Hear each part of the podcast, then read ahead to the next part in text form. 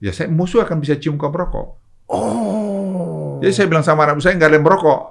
Karena saya bilang nggak boleh merokok, saya berhenti merokok juga. Sampai akhirnya keterusan. Sampai sekarang terusan. Musuh mencium bau rokok. Ya, karena berhari-hari dia lebih sensitif gitu. Jadi makanya saya di Kopassus dulu bikin peraturan nggak boleh merokok. Waktu operasi di tim-tim nggak ada, saya hukum yang merokok dulu sana. Ini beneran musuh bisa mencium bau rokok. Ya bisa. Dan kamu pun kalau sudah 10 hari, 2 minggu, 3 minggu di hutan, you can smell it. Oh, because you becomes very sensitive, to- sensitive, to, ya. smell. Ya, Oh, jadi kayak orang lacak di mana dan sebagainya. Ya. Pak, ya. itu makanya ada latihan yang disebut latihan apa namanya itu penjejakan. Iya, iya, iya. Jadi tracking itu. Jadi kamu juga bisa menjejak. Iya, dari ranting patah, Iya.